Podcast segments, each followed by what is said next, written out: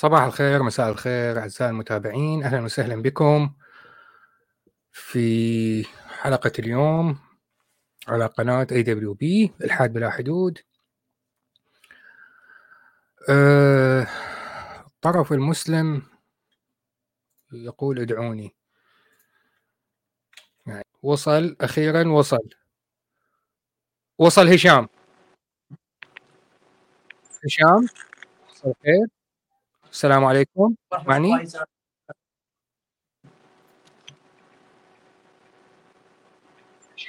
السلام عليكم. أهلا وسهلا. هشام مساء الخيرات. الحمد لله. كيف حالك؟ بخير؟ ما في حد. واطي نوعا ما. أنا بالكاد أسمعك. المتابعين آه، صوت هشام. مسموع؟ صوتك مسموع. وانت أوكي أنا صوتي مسموع بالنسبة لك أنا بالكاد أسمعك فأطلب من المتابعين يذكرون إذا هم يسمعوك جيدا أم لا. نعم مسموع لكن ضعيف. يسمعون لكن ضعيف. صوتك ضعيف. وليس لا، واضح. صراحة لا أنا ما المشكلة. حتى عندك مايكروف ميكروفون عندي ميكروفون لكن الآن أستخدم أستخدم كاميرا أستخدم كاميرا الهاتف لكن نوعا ما الميكروفون لن لن ينفع في هذه اللحظة أوكي خليني أحاول من ناحيتي ربما هناك طريقة نستطيع آه، رفع صوتك. أذكر في وقت ما كان هناك طريقة. آه، ثواني أعزائي ثواني. أمهلوني ثواني. آه، سيد عامر الحيدري الرابط وضعناه تحديدا وذكرتها أكثر من مرة للطرف المسلم بهدف المناظرة فرجاء أنزل من الاستوديو. أخي. أوكي. هل تسمعني؟ صوت أني أسمعك لكن بالكاد أسمعك والمتابعين كذلك بالكاد يسمعوك. دعنا نبدأ إذا. لا يمكن أن أحل المشكلة من عندي. آه، نعتذر للمتابعين. آه، حاولوا آه، لما يتكلم آه، هشام. ليست لدي. أعتقد أن المشكلة ليست لدي. سبق وأن نظرت العديد من الأشخاص والصوت بالكاد آه، يك- يكون مسموعا. نوعا ما. لأن المتابعين صوتي عالي صوتك واطي فيحتاج يعلون الصوت كي يفهموك. لذلك سنتكلم كل واحد أثناء وقته ولا نقاطع بعض. فلما يجي دورك المتابعين يعلون الصوت ويقدرون يسمعوك. لما أني ابدا أتكلم يوطون الصوت. اتفقنا؟ اتفق اتفقنا جيد. فكبداية أعطيني مو... آه... أنا أعرف عن نفسي. دقيقة دقيقتين وحضرتك تعرف عن نفسك وبعدها أنا أبدي بالمداخلة الأولى وبعدها أنت مداخلتك الأولى وهكذا.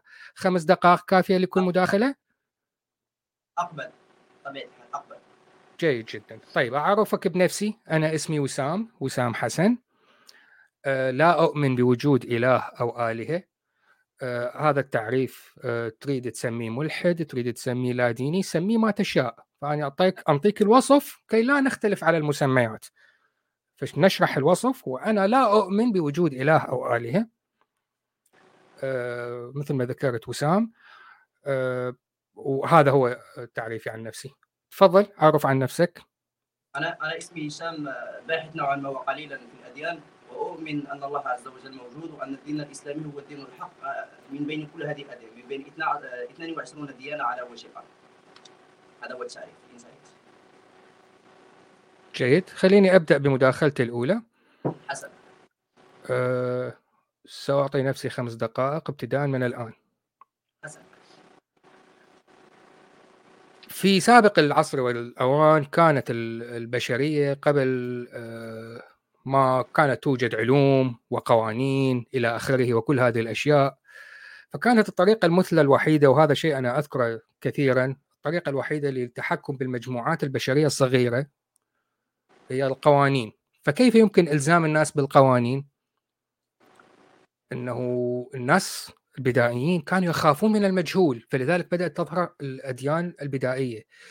إله للرعد لأنه الإنسان لا يعلم ما سبب الرعد. إله للفيضان والنهر لأنه لا يعلم سبب الفيضان.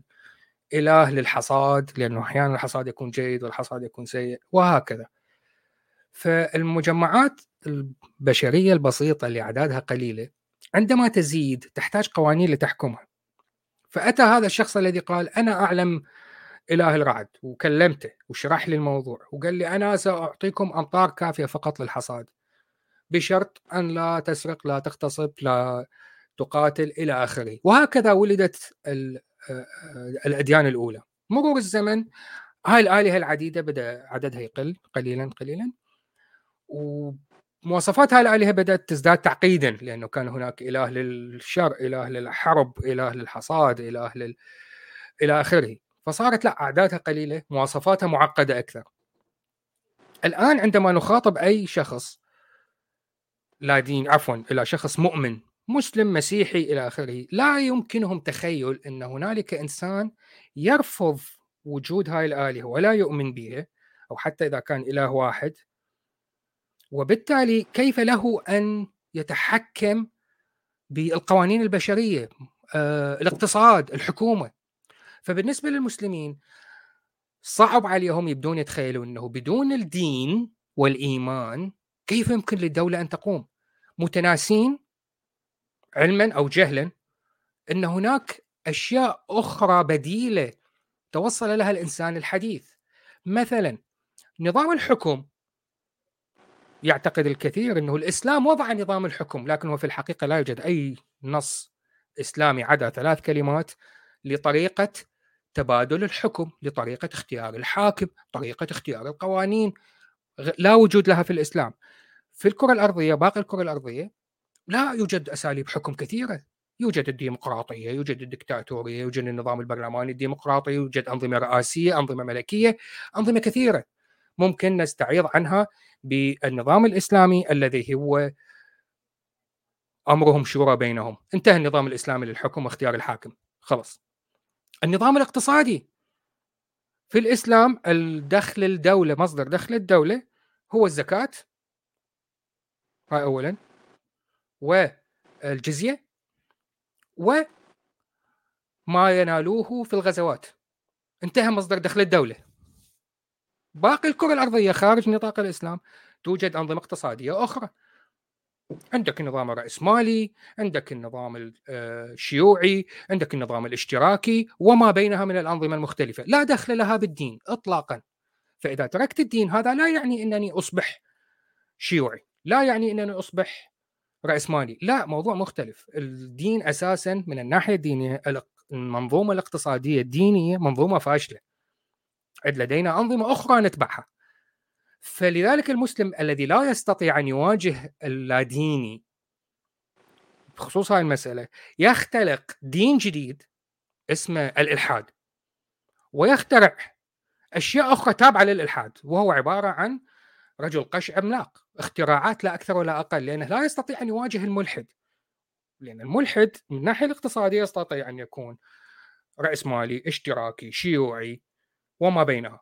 اجتماعيا يستطيع أن يكون ليبرالي يستطيع أن يكون محافظ يستطيع أن يكون ما بينها. هناك أشياء كثيرة يستطيع أي إنسان طبيعي أن تكون هي توجهاته. لكن في واقع الحال المسلم يرفض كل هاي ويركز على انه آه لا أنا عندي رجل قش لطيف. الالحاد دين وله تبعات. وهذه التبعات أنا اخترعتها الآن ويبدأ يسرد سرديات ما لها من أساس. طيب أنا آه، أضحي بالوقت الباقي لي وأعطيك خمس دقائق. تفضل مداخلتك. والمتابعين تقدرون تعلون الصوت تسمعون كلام هشام. السلام عليكم أخي وسام. اولا وما أفضل أن يبدأ كل حديث بالصلاة والسلام على أشرف المخلوقين وافضلهم خلقا صلى الله عليه وسلم محمد بن عبد الله. صلوات ربي وسلامه عليه. واخا خويا وسام عم نتحدث بالدارجه حيت اللغة العربية كتجي ثقيله شوية صافي حيت أنا مغربي. مزيان؟ لا لا أفهم الدارجه أفهم الفصحى فقط لغة القرآن إذا تستطيع. نعم حسن. ساحاول نوعا ولكن اعذرني إذا كان هناك أخطاء في السرد و... الان حسن. شكرا. اولا بداية أخي وسام تحدثت عن عن الأديان وأن البشر لكي يستطيعوا أن يسيطروا على عقول الناس. اخترعوا أديان. وهذا شيء خطأ ومنطقيا خطأ لأنك لم تذكر اولا لم تذكر أي دليل وأي مصدر. ثالثا أن الأديان وخصوصا أن الدين الإسلامي هو ليس دينا دينا جديدا ظهر قبل 1400 سنة. وكما ذكرت كما ذكرت لكم في المجموعة قبل تقريبا أسبوع. الإسلام أو تقريبا نتحدث أن الكرة الأرضية لم تعيش أو أو لم تشهد فترة زمنية قليلة بدون نزول أديان سماوية. فمثلا نوح عليه السلام هو هو من العهد الرابع من ذرية آدم عليه السلام. وهو هو هو أول نبي حمل الرسالة. من بعد مثلا آدم عليه السلام نقول له نقول له عليه السلام فقط احتراما له. هو ليس نبي. آدم عليه السلام ليس نبي حامل لرساله بل هو نوح عليه السلام أول نبي حامل لرساله وثانيا إذا كان إذا كان مثلا الناس يريدون أن يسيطروا على عقول الناس ويقولون أن هناك إله رعد واله برق فمن اين فمن أين أتت فكرة الإله الخالق؟ مثلا الناس كانوا يقولون أن هناك إله رعد وإله برق فمن أين محمد عبد الله قال لهم أن هذا الإله الذي أدعوه أنا هو اله الاله الخالق خالق المجرات والكواكب وكذا. من الفلسفة الحاضرة زمن أرسطو كانوا كانوا كانوا أيضا كانوا وصلوا إلى أن هناك كواكب والشمس والقمر. أنت تعرف هذا؟ رابعا أخي وسام. أن الدين الإسلامي الذي جاء به محمد صلى الله عليه وسلم ليس دينا عاديا بل دينا له أسس وقيم وجميع المصطلحات فيه ودينا غير منقوص وكامل تماما مثلا أن الأشخاص الذين كانوا يقولون ان أن هناك إله رعد هل كانوا يعطون دلائل على أن الإله رعد موجود؟ لا لا أعتقد ولا يوجد أي مصدر سواء مصدر آه، غير إسلامي مثلا والشخص الذي قال أن هناك إله برق هل اعطى أعطى مثلا دلائل؟ لا توجد هذه الدلائل ليست لدينا نحن لدينا القرآن الذي الذي نزل على الرسول صلى الله عليه وسلم كدليل كدليل الأول وها أنا وها أنا أعرضه لك الآن. وهذا القرآن هو كتاب ليس عادي. هو الكتاب الأول والمصدر الأول وأول حجة وأول دليل على أن الإسلام هو, هو على أن الإسلام هو دين هو هو دين منزل من عند الخالق. مثلا مثلا عندما اعطيك عندما أقول لك أن القرآن الكريم شمل جميع جميع نواحي الحياة من حيث التشريع فقط. أنا أتحدث من حيث التشريع مثلا القرآن الكريم قال القرآن الكريم تحدث عن الأشياء اعذرني القرآن الكريم تحدث عن الأشياء المهمة بالضبط في الحياة وبالضبط فلهذا نقول أن القرآن الكريم كتاب تشريعي فلهذا أخي وسام نقول أن القرآن الكريم كتاب تشريعي آه، آه، قلت أن القرآن الكريم لم يذكر مثلا آه، قلت مثلا طرق الحكم من من ملك إلى آخر. فالقرآن الكريم صديقي لا يهتم بهذا وبالرغم من هذا نجده يتكلم في السياسة ونجده يتكلم مثلا في في طرق التشريع نجده يتكلم في في ال في ال في ال مثلا كثير وكثير. ساذكر لك بعض منها.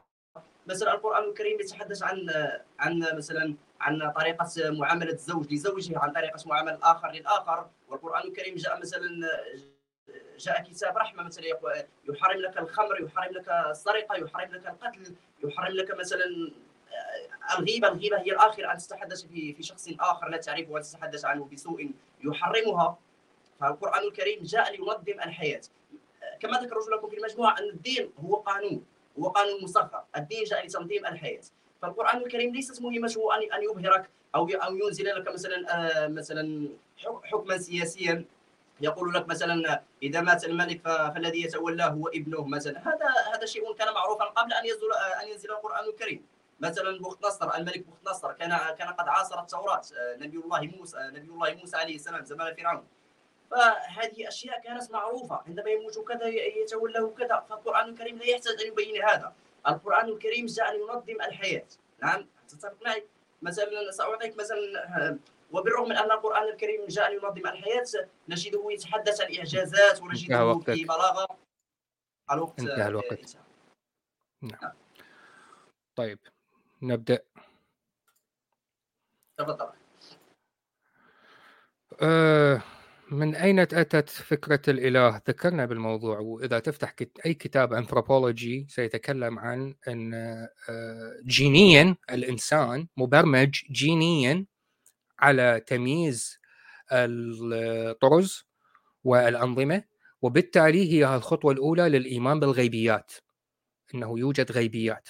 هاي مسألة نحن تبرمجنا عليها ولولاها تطوريا بيولوجيا لانقرضنا.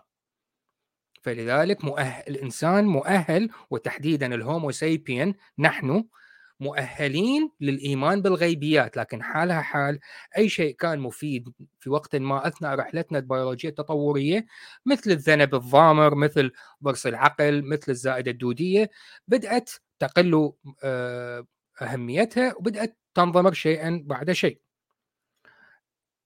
ابني حبيبي المناظرة عن الإلحاد كمفاهيم بين الواقع وبين ما يفهمه المسلم. نحاول نركز بالموضوع لأنه أنت أول ما دخلت للمجموعة دخلت نشرت الملحد يقول كذا الملحد يقول كذا لا يا حبيبي واني أكثر من مرة وكل المعلقين على منشورات يقولوا لك لا يوجد هذا الكلام. فهاي المناظرة هي لإثبات ادعاءاتك أن الملحد يقول كذا والملحد يؤمن بكذا. ما هي هذه الأشياء؟ أنا في مقدمتي ذكرت أسباب هاي المشكلة اللي حضرتك تمر بيها. تعتقد أن الملحد كذا الملحدين كلهم كذا ولغة تعميمية. لا يا حبيبي إحنا هاي فرصتك. أمامك ملحد لا يؤمن بوجود إله أو اله اسأله تعلم منه كيف يفكر كي لا تضع نفسه في مواقف محرجة أمام باقي الملحدين. طيب تعتقد أن الحكم يعني لم تقله حرفيا لكن أنت تقول ما معناه انه الحكم أمر سخيف ولا يستحق التشريع في القرآن. ابني أنت خلفائك الراشدين بعد ثالث واحد بدأت الخلافة آه، واحد ينهش الثاني لأنه لا يوجد نص صريح سواء في القرآن أو السنة يشرح هاي العملية. الخلافة الإسلامية تقريبا تحولت إلى مملكة والمتوارثة والخليفة يرث الملك من أباه بدون أي استحقاق. سواء كان مؤمن سواء كان كافر زاني آه، لوطي يمارس اللواط. كان عندنا خلفاء يمارسون اللواط. طيب هل يعني هل هل يعقل أن نقول أن هذه منظومة شاملة كاملة لكنها بإمكان أن ننصب شخص يقود هاي الأمة كلها يخالف كل شرائع هاي الأمة ونقول هذا نظام كامل؟ هو من يعني هو أهم شيء يعني إنه ينظم طريقة الدخول للحمام. لكن كيف ننظم حكم الدولة بأكملها؟ لا هذا أمر ثانوي بسيط آه، لن نتكلم به. آه، هذا هو لا يوجد عندي إضافة أخرى وأنهي مداخلتي وأفتح لك المجال. إذا بالمناسبة إذا وجدتني أغلقت الكاميرا فهذا لا يعني إنه أنا اختفيت معنى فقط أغلقت الكاميرا ومشيت خطوتين وأنا ما أزال أسمعك. تفضل مداخلتك الثانية.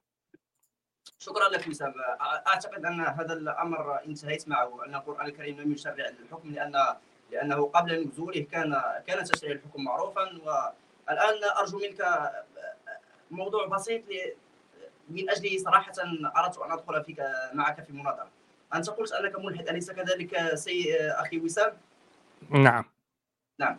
آه الآن آه بما أني عندما أناظر الملحدين أقوم بشيء آه أقوم بشيء اولا قبل المناظرة لكن الآن لم افعله لأنك في الأول طلبت مني أن أناظرك من حول معتقد المسلمين على على الإلحاد. كيف ينظر المسلمين إلى الإلحاد؟ أود أن أسألك أخي وسام هل تؤمن أن أن الكون جاء من انفجار؟ عزيزي الملحد يقول لا أؤمن بوجود إله أو آلهة والإيمان والإيمان هو التصديق بدون الحاجة لدليل فلا تسأل الملحد إذا كان يؤمن بشيء لأن الإيمان هو التصديق بالغيب بدون الحاجة لدليل نعم صديقي وسام لكن الانفجار هو مثبت علميا أليس كذلك؟ فلماذا تؤمن به؟ أنا لا أؤمن بالانفجار العظيم أنا أصدق بالأدلة المقدمة على النظرية نظرية التوسع الكوني التي قيل عنها تهكما وتسفيها لها آه، الانفجار العظيم. وبمرور العقود أصبح هو هذا اسمه الشعبي لكن اسمها الحقيقي التوسع الكوني وهناك أدلة عليها والأدلة واضحة وصريحة. أنا اطلعت على الأدلة ووجدتها مقبولة وصدقتها. حسن صدقت أن الكون جاء من إنفجار أليس كذلك؟ صدقت. لا أنت لا, لا النظرية لا تقول أن الكون بدأ بانفجار. الانفجار كلمة قيلت تسفيها وتسخيفا للنظرية آنذاك من شخص عالم كان يؤمن أن الكون ثابت اسمه فريد هويل وقال تسفيها للنظرية. ها ها ها يعني تريدون القول أن الكون عمل big bang انفجار عظيم وبدأ يتوسع. قالها تسفيها للنظرية النظرية اسمها نظرية التوسع الكوني ليست انفجار. حسنا أخي وسام أنت لا تؤمن أن ال أن ال أن الكون جاء من انفجار. هذه كانت محطتي الأولى لكن محطتي الثانية توجد آية في القرآن الكريم كان يستخدمها شيخ الإسلام ابن تيمية رحمه الله. آه، سأعرضها عليك الآن وسأسألك سؤالين. حسنا هل تقبل أخي؟ بعدها اسألني أنت ما شئت. الله تعالى يقول في سورة في سورة في سورة الطور نعم. أم خلقوا من غير شيء؟ أم هم الخالقون؟ أم خلقوا السماوات والأرض بل لا يوقنون؟ الآية تقول كالتالي أخي وسام. أم خلقوا من غير شيء؟ هل أخي وسام هل خلقت من غير شيء؟ آه لا تجيبني الآن دعني أكمل أم خلقوا السماوات والأرض بل لا يوقنون؟ هل خلقت نفسك؟ أم خلقت السماوات والأرض؟ لا شيء من هذا أخي وسام. نعم. أنت لم تخلق أنت لم تخلق من غير شيء ولم تخلق نفسك. يعني كيف سأخلق نفسي وأنا قبل أن أخلق؟ ولم تخلق السماوات والأرض يعني الكون. على فكرة القرآن الكريم عندما يستخدم السماوات والأرض فإنه يقصد الكون لأنه يخاطب قريش. هنا أخي وسام نلاحظ شيئا مخفيا في هذه الآية. هو أن الله عز وجل عندما يقول في القرآن الكريم أن الإنسان لم يخلق من غير شيء وهذا طبعا هذا مضبوط. ولم يخلق نفسه وهذا طبعا عبثي إن قلنا أن الإنسان خلق نفسه ولم يخلق السماوات والأرض فإن تبقى شيء وهو أنه مخلوق. نعم أخي وسام هو أنه مخلوق. والمخلوق منطقيا علميا بأي شيء تفكر فيه أن المخلوق يحتاج إلى خالق. نعم. المخلوق يحتاج إلى خالق. لكن مشكلة الملحد هنا وهو أنه يعلم أنه مخلوق أنه مخلوق لكنه ينفي خالقه. تخيل معي أن هذه أن هذه الآلة مثلا أن هذه الآلة مثلا آه، تفكر مثلا. تفكر وتحس مثل الإنسان لديها مشاعر لديها تذوق حاسة تذوق تفكر أنها آه، مصنوعة. تقول أنها أتت من غير صانع. لم يأتي صانع ركبها وجعل لها الخيط مثلا. تقول فأنت فأنت أخي وسام تخيل نفسك أنك لست ملحد مثلا. ماذا ستقول لها؟ ستقول لها أنك طبعا أنت لست على صواب. لأنك أن لأن لأني أرى النتيجة امامي نتيجة الصانع أراها امامي فكيف أنت تقولين أنه لا يوجد صانع وأنا أراك كنتيجة ذلك الصانع كنتيجة وجود وأكبر دليل على وجود الصانع هو أنت. تفضل أخي وسام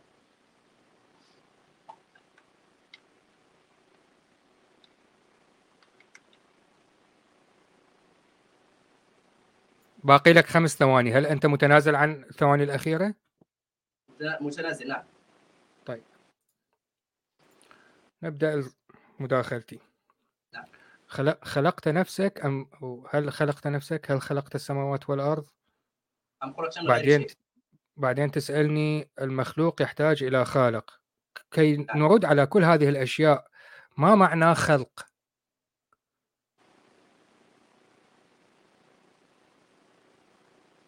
ما معنى خلق؟ سؤال لك. اي تفضل. نعم. الخلق هو ممكن أن نقول الصنع الصنع. نعم الصنع. كتعريف آه. اذا هذا كلام خاطئ سيدي الكريم لأنه أنا لست مصنوع أنا كائن حي بيولوجي أنا لست مصنوع. أخي أنا قلت لك أن أن الخلق ممكن أن نطلق نطلق عليه الصنع مثلا. انت الله عز وجل خلقك يعني صنعك ركبك. أنا أنا لم أركب من قبل كائن أنت تؤمن به. أنا ناتج عملية بيولوجيه فلما تأتي تخترع مصطلح اسمه مخلوق والمخلوق يحتاج إلى خالق هذه مغالطة منطقية من طرفك. أنا لست مخلوق أنا مولود. وأحتاج إلى والد. نعم. ولدتني أمي وأبي.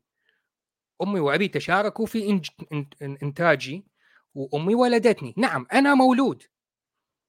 لكني لست مخلوق حسب اصطلاحك الصناعة. أنا لست مصنوع. كائن مكتفي ذاتيا. ذر آه، بويضة وهذا تعلمناه في درس العلوم في المرحلة المتوسطة.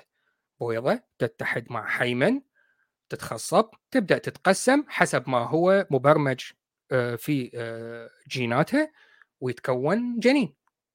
هذا ليس مخلوق. فهل أنت خلقت نفسك؟ لا حبيبي. الخلق هذا هذا اصطلاح إسلامي. أنا اسمي أنا اسمي مولود ولست مخلوق. فهل خلقت نفسك؟ أنت يعني okay هل أنت عجنت نفسك؟ بالمرة يعني okay خلينا نستخدم مصطلحات براحتنا إحنا ونفرضها على المقابل. هل أنت عجنت نفسك يا سيد هشام؟ وما هو العجن؟ العجن هو الصناعة. فأكرر السؤال مرة أخرى أعطيك فرصة أخرى. نعم. ما معنى خلق؟ أخي هل تمكن هل تعطيني بعض من الوقت لكي أتكلم؟ وصراحة هو وقتك. لا أريد أن انصب حالي فيه. أنا سألت سؤال ما معنى خلق؟ م... هاي هاي فرصة ثانية. هل هل تريد تضيع الفرصة الثانية؟ لا لا أريد ولكن سأجيبك بنفس السؤال الخلق هو الصنع. نقول أن أن أن أن الصانع صنع هذه نقول أن أن الخالق خلق هذه الصانع. هو نفس هو نفس إجابتي الأولى وسأبرر عنها.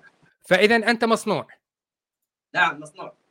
أنت مصنوع. جاء شخص وجاء آه، مواد أولية مثل ما صنع الماوس. صنعك أنت من مواد أولية بإرادة وترتيب جيد جدا. أوكي أنا أتنازل عن مداخلتي. تفضل مداخلتك الثانية. حسنا أخي. انسى الوقت أليس كذلك؟ تقول أنك أنك مولود وليس مخلوق. نعم. نعم أخي. هل غادرت؟ حسنا سأستمر في الشرح. يعني أخبرتك قبل قليل عندما تجد الكاميرا مغلقة معناها أنا أسمعك لكن عندي شيء سريع. أسمعك. حسن. كمل. حسن لا ليش أخي تحدثت أنك أنك مولود وليس وليس وليس مخلوق وهذه أيضا مغالطة منطقية. صديقي نحن عندما عندما نرى مثلا أن مولودا جاء عند جاء إلى العائلة مثلا مولود صغير ولد فنحن لا نقول نحن طبيعة الحال نحن نقول أن ذلك ذلك المولود ولد. لكن من كونه داخل داخل رحم أمه؟ من؟ من؟ سأسألك من مثلا. من؟ هل كون نفسه داخل رحم أمه؟ مثلا هل أبوه؟ تقول ان أن أبوه وأمه تشاركا في في ولادته. صديقي أبوه فقط وضع النطفة في رحم أمه وأمه. طبعا طبعا لم تعلم أن النطفه هل توجد أم؟ علمت أن النطفه أن النطفة تحمل رحم رحمها كي يتكون. هذه هذه لن لن تجدها. حتى تذهب إلى طبيب ويقول لها أنت حامل. مثلا. النطفه عندما تدخل في في رحم السيدة مثلا أو أو أو الإمرأة فإنه فإن في تلك اللحظة تبدأ عملية الخلق. فمثلا نقول مثلا أن النطفة هي بنفسها كونت الجنين هذا لا يعقل أن النطفة أصلا شيء شيء غير غير عقلاني وشيء غير غير ليست من الثقلين. سأختصرها في في هذا غير يعني غير مكتفية ذاتيا. انت قلت أنك مكتفي ذاتي سأتي سأتي إلى إلى هذه إلى هذه النقطة التي أشرت إليها. الخلق صديقي يبدأ في في رحم أمه. نعم. الله عز وجل يكونه يجعل له سمع يجعل له أذن يجعل له لسان يجعل له أي شيء. ثم ثم يخرج هذا هذا المولود يخرج إلينا فنطلق عليه اسم مولود وليس اسم مخلوق. لأن المخلوق الأول الذي خلقه الله عز وجل بيده الكريمة هو آدم عليه السلام. وإلا أطلقنا على كل شخص على هذه الكره الارضيه هو مولود وليس مخلوق. فكر أخي. كله إذا إذا إذا إذا إذا اتبعنا منطقك أنت سنقول أن كل الذي على الكره كل الإنسان كل البشر الذي على الكره الأرضية هو فقط آه، هم هم هم مواليد وليس وليس مخلوقات. فلأن آه، آه، كما طرحت عليك سؤالا هل هل هل هل الجنين خلق نفسه في رحم أمه؟ لا هذا لا يمكن. الله عز وجل هو من خلقه هو من ركبه هو من قذف فيه الروح. مثلا نأتي على على على على موضوع الروح. من أين اتت الروح؟ الله عز وجل هو من قذف الروح. وقد أشار إلى إلى هذا في القرآن الكريم. يلقي الروح كما نقول مثلا. فالجنين فالجنين صديق فالجنين صديقي وسام ليس كما تعتقد أنه ولد، نعم حقيقة هو ولد، لكن السؤال الذي الذي غفلت عنه هو أنه من ركب، من كون، من أعطاه روحا، من أعطاه أسنان، من أعطاه سمع، من أعطاه كذا؟ ومن أعطاه كذا؟ لن لن أنتهي. ثانيا آه، أخي وسام. ما دام أنك تقول أنك مكتفي ذاتيا فأنت على خطأ، أنت لست مكتفي ذاتيا، لو كنت مكتفي ذاتيا لن تموت. لو كنت مكتفي ذاتيا مثلا هناك أشياء هناك أشياء نحن مسيرون فيها. مثلا أمد العمر. أنت لو كنت مكتفي ذاتيا أخي وسام هل كنت ستعلم متى ستموت؟ مثلا أو كنت ستخلد في الأرض أو كنت مثلا تمنع أن يأتيك المرض أو مثلا تمنع التفكير مثلا أو أشياء كثيرة أخي. فلهذا لا يوجد لا يوجد مخلوق صديقي صديقي وسام مكتفي ذاتيا لا يوجد لا يوجد مخلوق مكتفي ذاتيا الله عز وجل وحده من من مكتفي ذاتيا مثلا سأعطيك مثال. إذا أردنا أن نستخدم جوجل هذا المثال قد أعطاه علي دعوة في في في أحد مناظراته إذا أردنا أن نستخدم جوجل نحتاج إلى إنترنت. إذا إذا أردنا إنترنت نحتاج إلى هاتف. إذا اردنا إذا أحضرنا الهاتف نحتاج إلى من يستخدمه. إذا إذا أردنا من إذا إذا احضرنا من يستخدم ونحتاج إلى كذا ونحتاج إلى كذا حتى نصل إلى الكائن المستقل الضروري الذي لا يحتاج أحد الذي هو المسبب الأول كما نطلق كما نطلق عليه هو الذي بدأ كل شيء وإلا لن يكون الأمر منطقيا. هذا خلق هذا وهذا خلق هذا هذا يحتاج إلى هذا هذا يحتاج إلى هذا. إلى أن نصل إلى الكائن إلى الكائن المستقل الواحد ضروري المستقل المكتفي بذاته الذي لا يحتاج أحد. لو فكرت هذا هذا ستجد لو فكرت في هذا بتمعن ستجد الجواب. مثلا صراحة يعجز الكلام عن عن عن صراحة هذا هذا الشيء آه، هو هو مفطور في الإنسان. هو مثلا أن تقول من خلق الله مثلا هذا سؤالك مثلا قلت أنك مكتفي بذاتك. فهذا لو فكرت فيه ستجد إجابة انت ليس مكتفي بذاتك. أنت حر في شيء واحد وهو التفكير فقط. وبعض الأفعال التي يحاسبنا الله عز وجل عليها يوم القيامة مثلا ترك الصلاة ترك الزكاة مثلا إنتهى كلام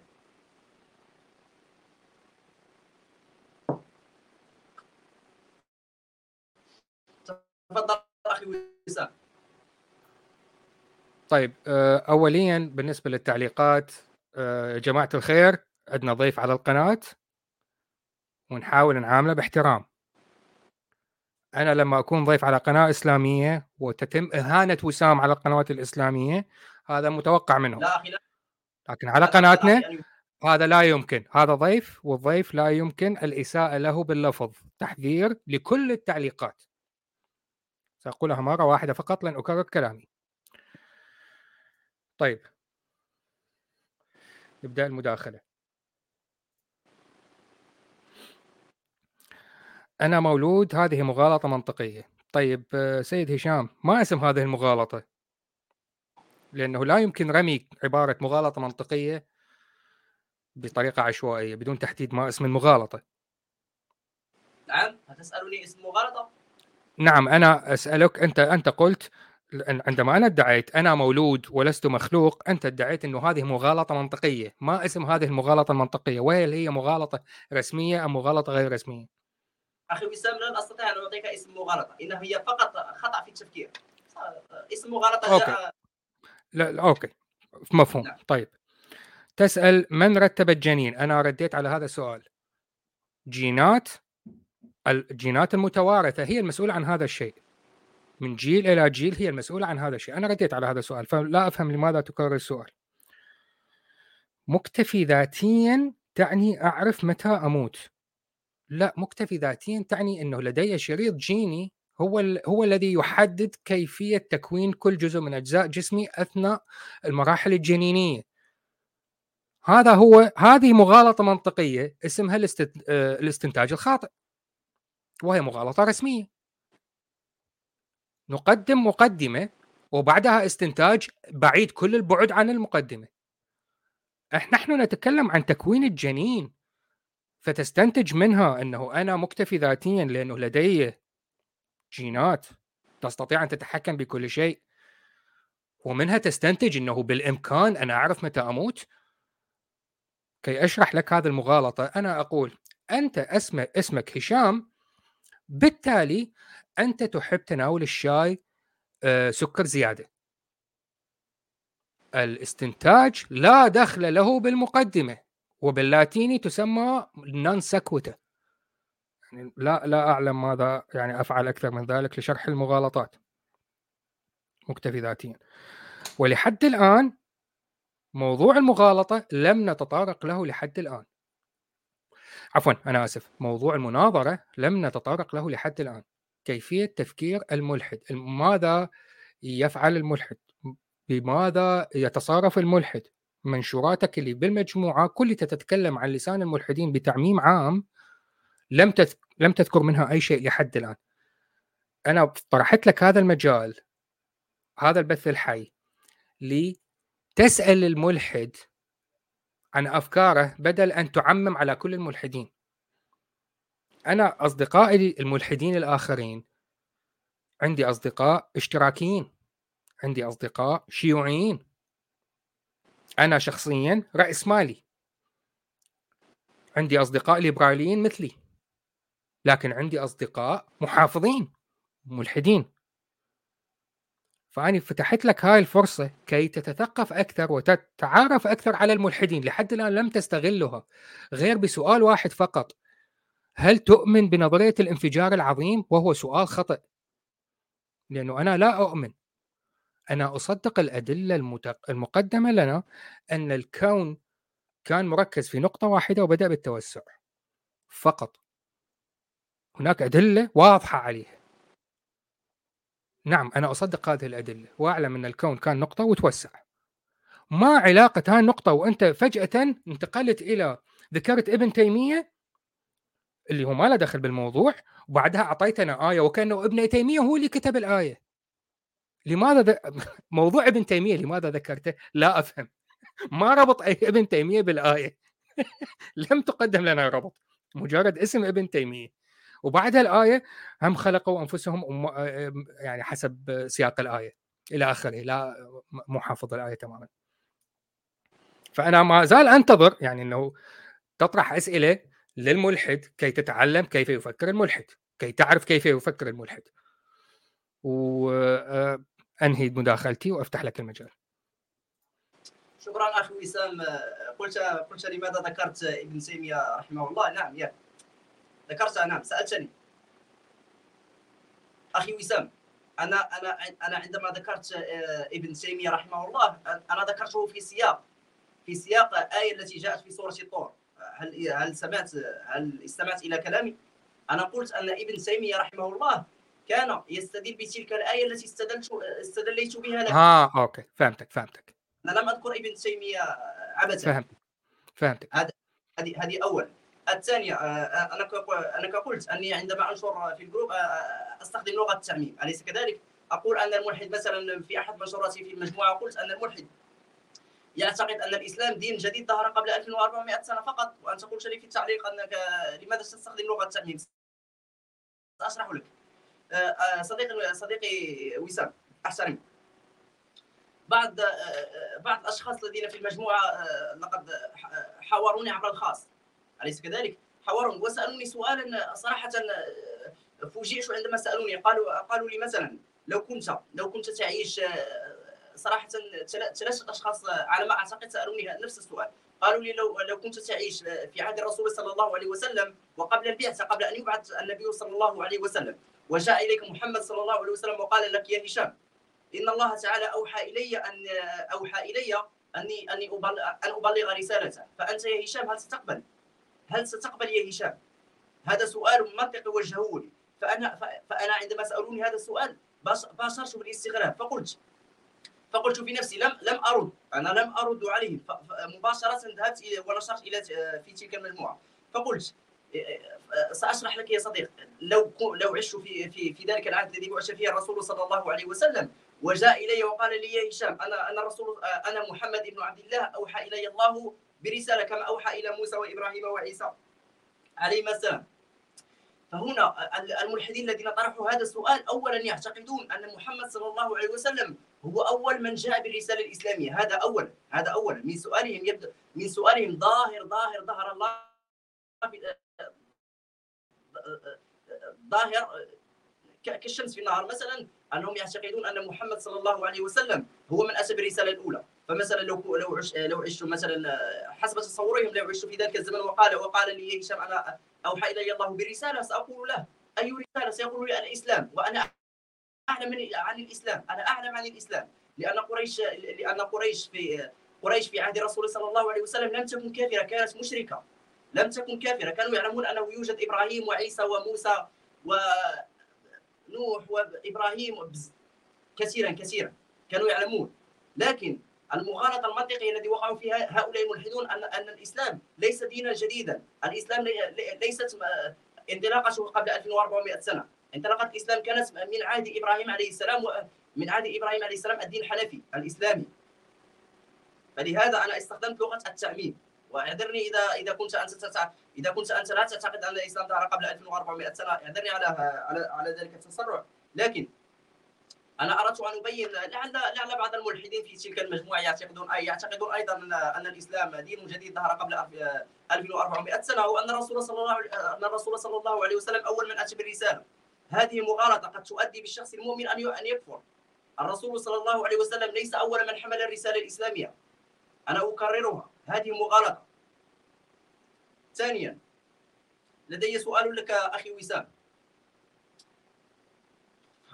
في آه، في أحد في أحد المنشورات التي التي نشرت على المجموعة قلت أن أن الإلحاد هو دين العبثيه نعم. أحب أن أطلق عليه دين العبثيه وأن مثلا القتل والرحمه سؤال من أين البشرية من أين أتت بأن الرحمه شيء جميل وأن القتل شيء شيء سيء؟ مثلا مثلا من أين أتت؟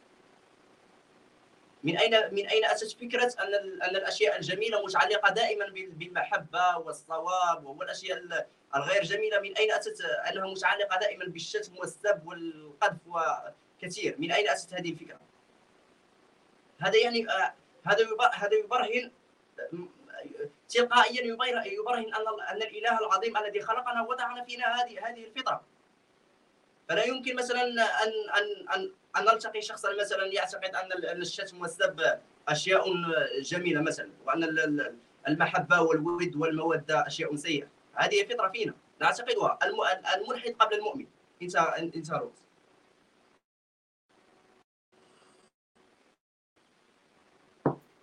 طيب انتهى الوقت. آه، ثواني لأنه عندنا على التعليقات على القناة. شخص يحتاج نعمل آه، بلوك. حتى إذا كان ملحد يستحق الطرد. طيب نبدأ بالنقاط. احتراماتي صديقي. احتراماتي وسام لحسك على على الاحترام. شكرا. آه، شخص على الخاص سألك إذا كان إذا كنت موجود أثناء الرسول فهل ستؤمن به؟ وهذا دليل على أن الملحدين بالتعميم يعتقدون أن الإسلام هو أول محمد نبي المسلمين الرسول هو أول من أتى بالإسلام. كلنا نعلم أنه مذكور في الإسلام ذكر عند المسلمين عند إن كل الأنبياء هم مسلمين لكن الشرائع تختلف. كلنا نعلم ذلك. فإذا أتاك شخص وسألك إذا كنت موجود أثناء زمن الرسول محمد فهل ستؤمن به؟ هذا لا يعني أن الملحدين يقولون أن محمد هو أول من أتى بالإسلام. كذلك الاستنتاج الخاطئ مقدمة بعيدة كل البعد عن الاستنتاج. حاول أن تقرأ بعض الشيء عن المغالطات المنطقية. المقدمة يجب أن تؤدي إلى استنتاج صحيح. إذا كانت المقدمة والاستنتاج منفصلين تماما هذه مغالطة اسمها نون سكوتا باللاتيني. الاستنتاج بعيد عن المقدمة ما لها دخل نحن نعلم أن المسلمين يدعون أن في الإسلام أن كل الأنبياء المذكورين تاريخيا هم مسلمين لكن بشرائع مختلفة، نحن نعرفها والدليل أننا نعلم ذلك أن كل التعليقات على منشوراتك تقول لك كلامك خطأ. فلا أعلم ما ممكن أن يفعله اللادينيين الموجودين في المجموعة ليقنعوك أن كلامك خطأ، استنتاجك خاطئ. ولم وحسب كلامك أنت لم ترد على كلام هذا الشخص. سألك عندما كنت فلنفترض أنت في قريش. وتوجد كعبة وأصنام وفيها أحناف قريش فيها أحناف وفيها مسيحيين وفيها نصارى وبالمناسبة تاريخيا المسيحيين يختلفون عن النصارى. في الزمن الحالي لا يوجد نصارى يوجد مسيحيين. النصارى كانوا موجودين فقط في ذلك الوقت لأنه كانوا هم مذهب أعدادهم صغيرة جدا وجدوا ملجأ في مكة. وكان في مكة أيضا يهود. فتوجد تعدد أديان وتقبل يعني إلى حد ما كانت مكة علمانية. كانت توجد فيها كل الأديان. فلما شخص فجأة يظهر ويقول لهم أنا نبي وهذا النبي له دخل بكل المعتقدات التي أنتم تعتقدوها وأنا آخر واحد بهم فعليكم أن تؤمنون بي هذا هو السؤال هل ستؤمن به؟ أنت لم ترد على السؤال الذي أنت ادعيت إنه أحدهم وجهه وجه هذا السؤال لك على الخاص. أه okay فرديت على هاي النقطة. أه من أين نعرف إن الرحمة شيء جيد؟ هذا الم... هذا السؤال بعيد عن موضوع المناظرة. موضوع المناظرة عن إنه مع معنى الإلحاد بين الواقع وبين ما يفهمه المسلمون. من أين نعرف الرحمة شيء جيد؟ هذا موضوع مختلف. تريد نغير؟ أه موضوع المناظرة ونفتح مناظرة جديدة عن أصل الأخلاق بين الدين والواقع البيولوجي؟ نعم نف... ممكن. ولو هو الحل يعني الرد سهل. أه تفتح جوجل وتروح تذهب لليوتيوب وتكتب monkey experiment rewards injustice monkey experiment rewards injustice نعم أربع كلمات. فتجد أنه خلال تجربة بسيطة عند القردة قردة.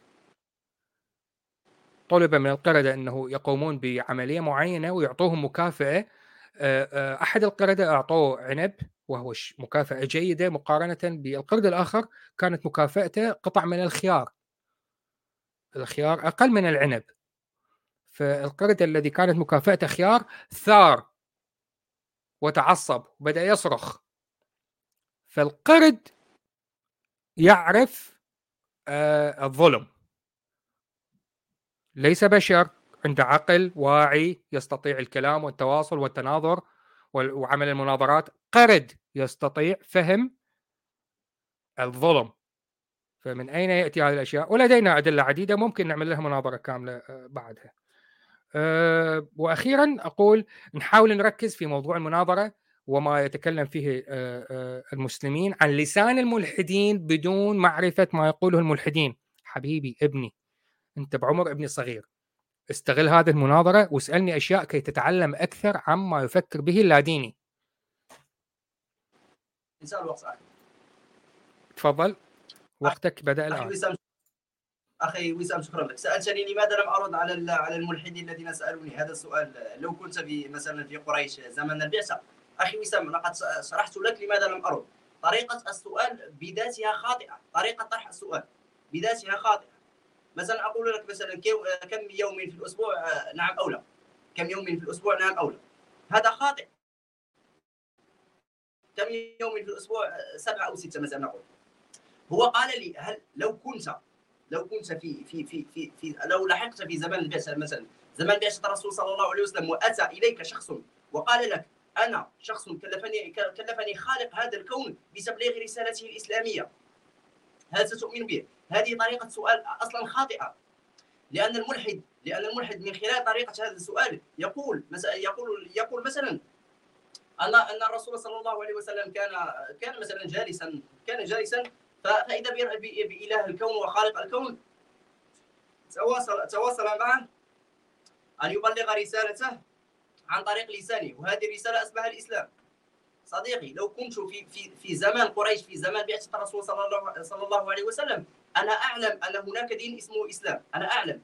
لن يأتي الرسول صلى الله عليه وسلم يقول أنا أنا أنا أنا كريم الله. مثلا أنا أوحى إلي الله عز وجل خالق الكون أن أبلغ رسالته الإسلامية. هذه هذه الرسالة أصلا موجودة موجودة منذ منذ القدم ولو كنت في قريش كنت سأعلمها. صغيرهم على كبير على على كبيرهم يعلم ذلك. ثانيا النصارى الذين ذكرت واليهود وبنو النضير كما كما يطلق عليهم في ذلك الزمن في كتبهم الإنجيل والتوراة يوجد يوجد يوجد, يوجد تبشير مباشر على ان على أن الرسالة الأخيرة قريبة. على أن على أن هناك رسول آخر اسمه أحمد وهذا وهذا ذكر في القرآن الكريم طبعا كلنا نعلم ان أن الرسول صلى الله عليه وسلم نودي باسم أحمد وهذا ليس موضوعا لكي نفصل له اسمه وفي التوراة وفي الإنجيل آه، نعم إنجيل لوقا مثلا يذكر يذكر أن عيسى عليه السلام قال لهم لن تقدروا لن تقدروا لن تقدروا على ان على أن على أن أقول لكم الكثير من الأشياء فانتظروا الرسالة الأخيرة. من هي الرسالة الأخيرة؟ هو الرسول صلى الله عليه وسلم. النصارى لو كانوا يقرؤون القرآن نعتبر أنهم لم يكن لم يكونوا يقرؤون الإنجيل عذرا الإنجيل. لو كانوا يقرؤون الإنجيل سيعرفون أن الرسالة أن الرسالة الأخيرة هي محمد صلى الله عليه وسلم. لا يمكن لا يمكن لشخص لبس لبس فيهم 40 40 سنة دون دون كذب ودون الصدق ومعروف بالصادق الأمين و و و كثير من الأشياء. أن يأتي ويبصر يقول لهم ان أني كلمت الله. هذا يحتاج إلى دلائل. أخي هذا يحتاج إلى دلائل. والدلائل قد بينها الرسول صلى الله عليه وسلم ابتداء من بدر إلى الأحزاب. عندما دخل في عندما دخل في ألف في ألف مقاتل ب 300 هل هل الكاذب يثق في كذبته؟ لو لم يكن يعلم أنه رسول هل سيذهب ليقاتل 300 ليقاتل 1000 ب 300 عذرا سنرجع إلى موضوعك نظره المسلمين للإلحاد. أنا أرى الالحاد أنه دين الشيطان أخي. واعذرني على هذا الكلام. دين يحل لك. مثلا إذا كانت النصارى تمنع لديها محرمات دين الدين النصراني الدين المسيحي لديه محرمات والدين اليهودي لديه محرمات والدين الإسلامي لديه محرمات فالدين الإلحادي ليس لديه محرمات. الدين الإلحادي ليس لديه محرمات. يمكنك أن تفعل كل شيء في الإلحاد. يمكن. من ابتداء من الزنا إلى شرب الخمر. لا يوجد مانع لديك.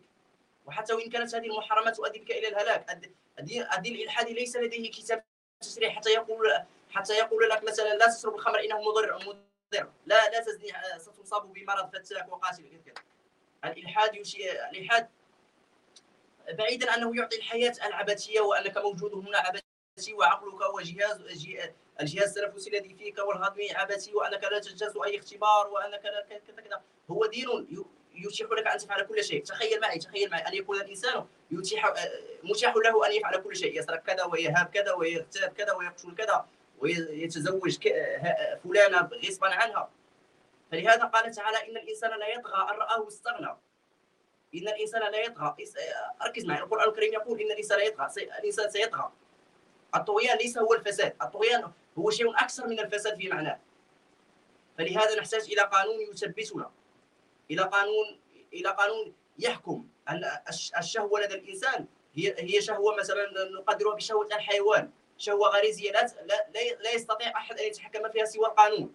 القانون الذي القانون الذي الذي يعاقب يعاقب. عذرا. القانون الذي يعاقب سوى هذا القانون وحده من يمكنه أن يتحدث بشهوة الانسان لك الخط أخي. طيب آه شكرا. آه أطرح سؤال آه لهشام.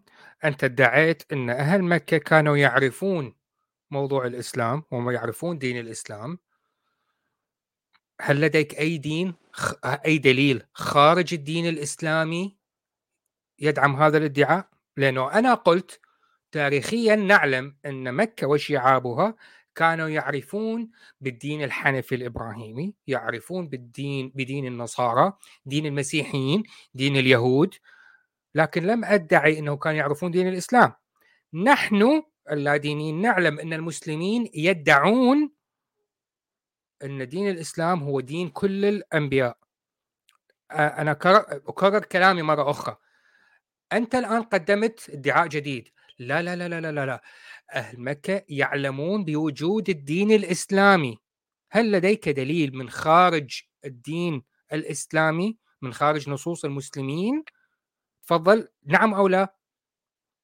أخي تسالني هل هل لدي دليل خارج الروايه الإسلامية أليس كذلك؟ نعم. انت نفسك تستدل بالرواية الإسلامية. اذا لا يوجد دليل. ننتقل للنقطة الأخرى. شكرا. الإلحاد هو دين الشيطان مع احترامي والإلحاد يسمح بكذا ويسمح بكذا. أه سيد هشام ابني سمعت مداخلتي الأولى أم لم تسمعها؟ سمعت سمعت أخي وسام. اذا ما الفائدة من هذا الادعاء إذا أنت سمعت كلامي؟ أخي أنا تكلمت عن شهوة الإنسان لماذا لم أوكي. وكرر مداخلتي الأو... أو عفوا عفوا أنا آه، نسيت أضغط. فلنفترض إنه صار لي أتكلم ثلاث دقائق دقيقتين. أعطي نفسي ثلاث دقائق. أنا في المداخلة الأولى وأكرر كلامي مرة أخرى. أنا كلا ديني لا أؤمن بوجود إله أو آلهة ولا أتبع أي دين. هذا لا يعني أنني حيوان هائج لا يمكن أن يوقفني أي شيء. لدي أفكار أخرى. لدي ميول من الناحية الاقتصادية. أنا أميل للتفكير الراسمالي وبالتالي فكرة إنه أنا أعمل وأشقى كي يأتي لاجئ من دولة أخرى آه، لديه زوجة وعشرة أطفال ويأخذ معونات من الدولة على قفاي هاي فكرة مرفوضة لأنه هو لا يعمل وجالس آه، عايش على المعونات اللي أدفعها أنا من ضرائبي. هذا تفكير راسمالي هاي فكرتي أنا الشخصية. أنا ليبرالي.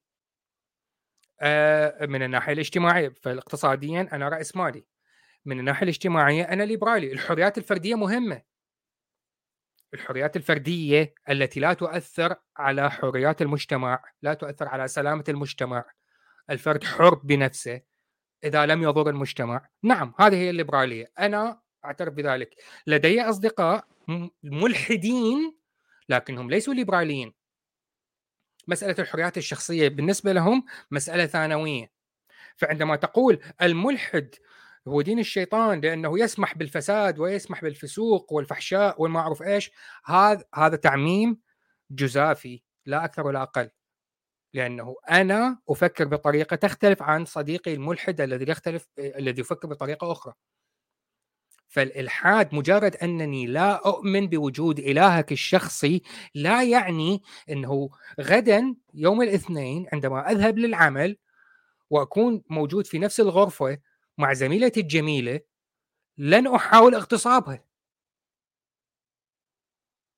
لعدة أسباب. هناك قانون يمنع ذلك. أنا صو أنا نفسي صوتت عليه. هذا اولا. ثانيا أنا رجل متزوج.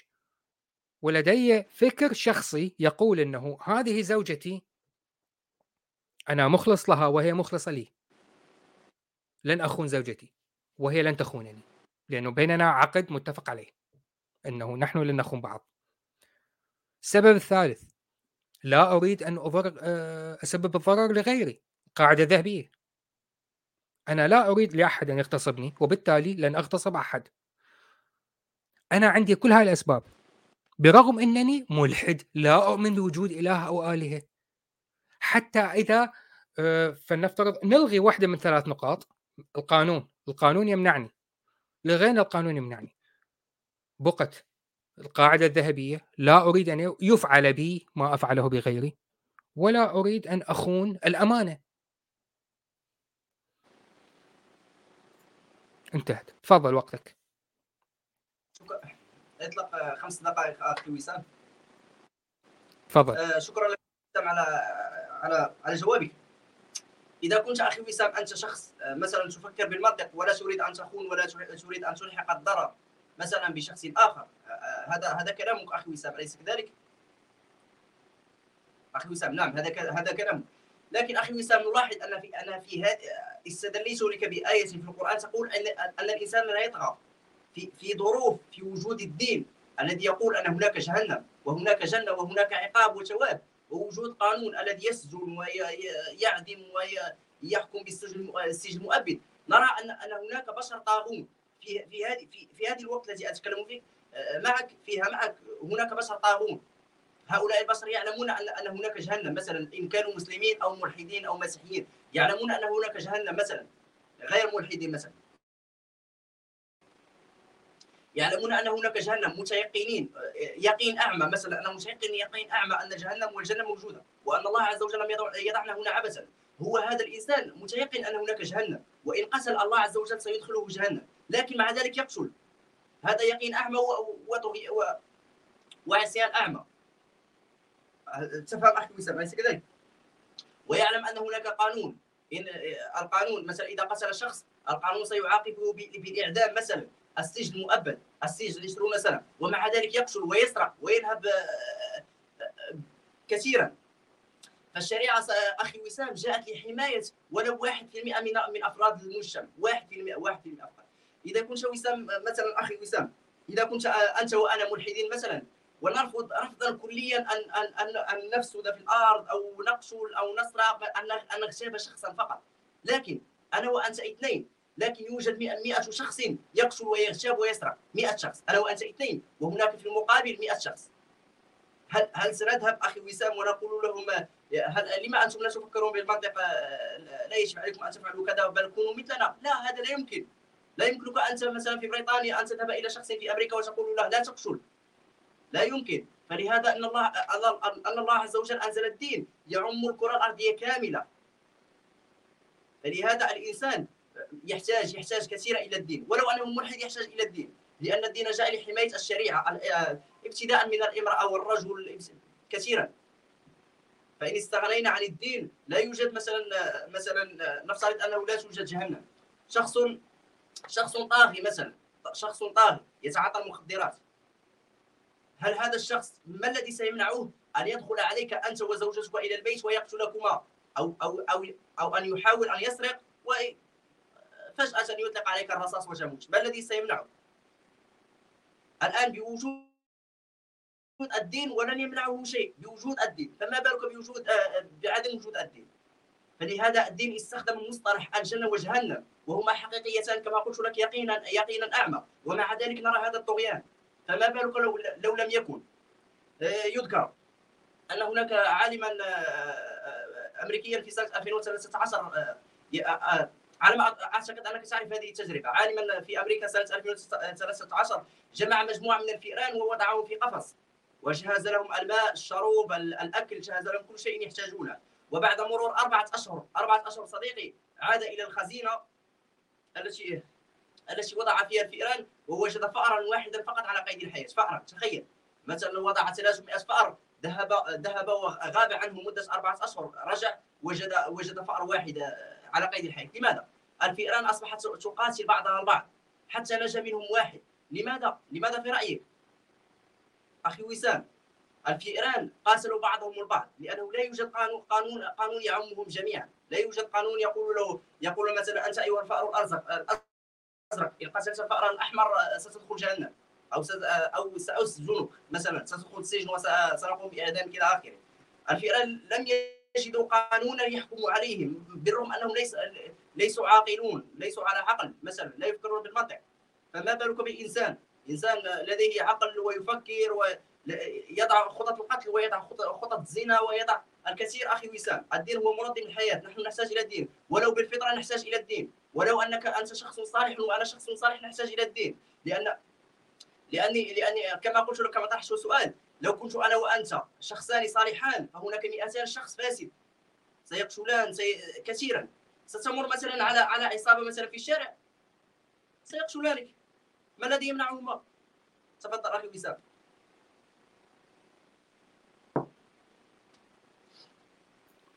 طيب أنا آه، آه، يعني ولو بدأت أشعر بالأمل بالملل من فترة طويلة لكن الآن وصل الملل حده وهاي مداخلتي الأخيرة وبعدها مداخلتك الأخيرة وننهي الموضوع. الشريعة تحمي والشريعة مهمة ولو تحمي واحد بالمئة. إذا الشريعة غير مهمة. تكرر موضوع أنه الدين يحمي البشرية جمعاء وكأني لم أذكر مداخلتي الأولى ولم تسمع أي شيء منها ولم ترد عليها لحد الآن. فيعني أنا ضيعت وقتي في المداخلة الأولى. مرتين تكرر نفس الكلام وكأني لم أقل شيء. تجربه تجربة الفئران التي يبدو إنك لم تبحث عنها بشكل صحيح ولم تفهم حيثياتها لأن التجربة الحقيقية هي الفئران تم توفير لها كل أساسيات الحياة وكل ما تريدها هذه الفئران. بالضبط مثل ما تفعل جنة المسلمين كما هي موصوفة في القرآن والسنة. فهذه التجربة حجة ضدك كمسلم وليست حجة لك كمسلم. جنة المسلمين بالضبط هو هي هذه تجربة الفئران. كانت نتيجتها مأساوية كارثية.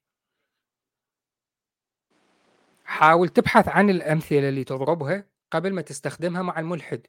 التي لح... الذي لحد الآن لم تسأله أي شيء بخصوص أفكاره كي ت... يعني أه... تستطيع أن تستخدمها حجج ضده. صار لنا ساعة تقريبا. أو أقل بقليل لم تستخدم هذه. آه، الفترة لم تستغلها لمعرفة كيف يفكر الملحد. بما يخص آه، أشياء آه، خارج أنا لا أؤمن بالاله والآلهة. لم تستغل هذه الفترة. وضيعتها على نفسك.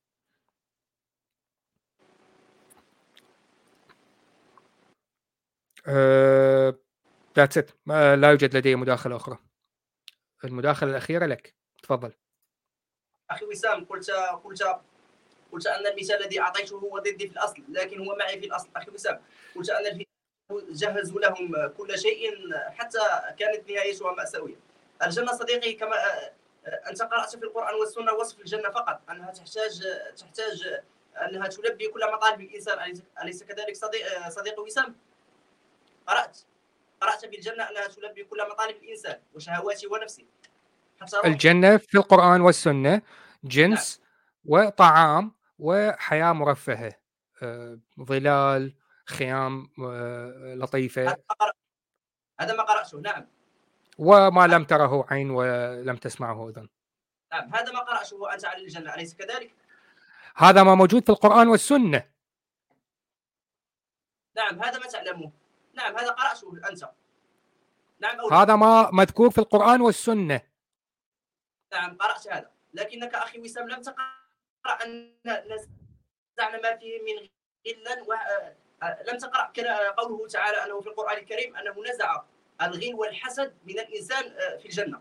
مثلا أنا في في الأرض في لدي غل وحسد ففي الجنة أخي وسام لا لا, لا حاول لا تتكلم بلساني آه، أعتذر عن هشام أنا أعتذر عن المقاطعة لكن لن أسمح بالتكلم عن لساني.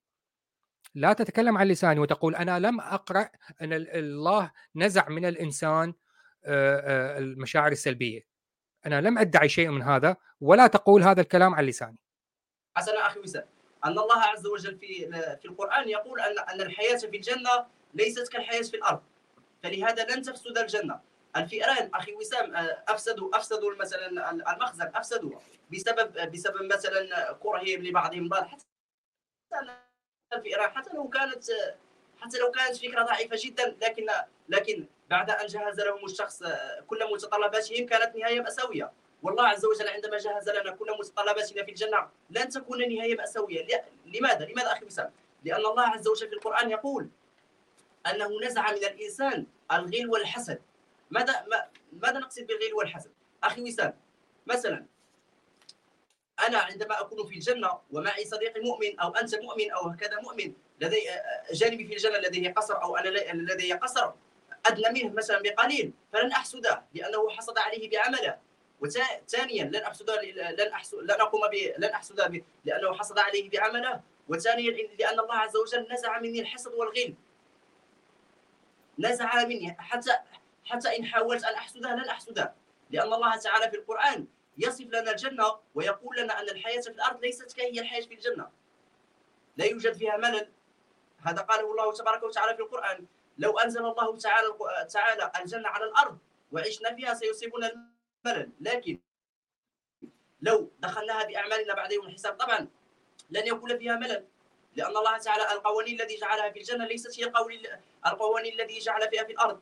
حسن ستتساءل صديقي وسام لماذا وضع فينا الله عز وجل الغل والحسد في الأرض؟ هذا كله ابتغاء الاختبار صديقي وسام. هذا كله ابتغاء الاختبار. الله عز وجل وضع فينا الشهوة والغل والحسد والكره اختبارا لنا. صديقي وسام. لك الخط صديقي وسام. أه أه أنا لا توجد عندي أي مداخلة أخيرة. انتهت هاي مداخلتك الأخيرة فعندك بقى عندك دقيقة و22 ثانية. بإمكانك استغلالها كما تشاء. حسنا أخي أود أود أن استغلها في شكر شكرا لك أخي وسام على على وقتك. لا بأس. شكرا جزيلا آه، هشام آه، وشكرا للمتابعين. وانتهت المناظرة. وبالنسبة لل يعني الأداء وأداء آه، هشام أو أدائي وآرائنا وقوة الحجة هذا الموضوع عائد للمتابعين تماما. ولا يوجد فائز أو خاسر حال حال أي مناظرة في تاريخ المناظرات. الموضوع يعود للمتابعين. أنا شخصيا أرى أن المناظرة لم تكن متكافئة لأنه أنا كنت أقول كلام والمقابل وكأنه لم يسمع كلامي ولم يقدم أي شيء. آه، والمتابعين يبدو أنهم يعيشون دور مشابه. أقول قولي هذا واستغفر ذرات الهيدروجين ولكم وأتمنى للجميع يوم سعيد سهره سعيدة أسبوع سعيد وحياة سعيدة وتصبحون على ألف ألف خير. مع السلامة.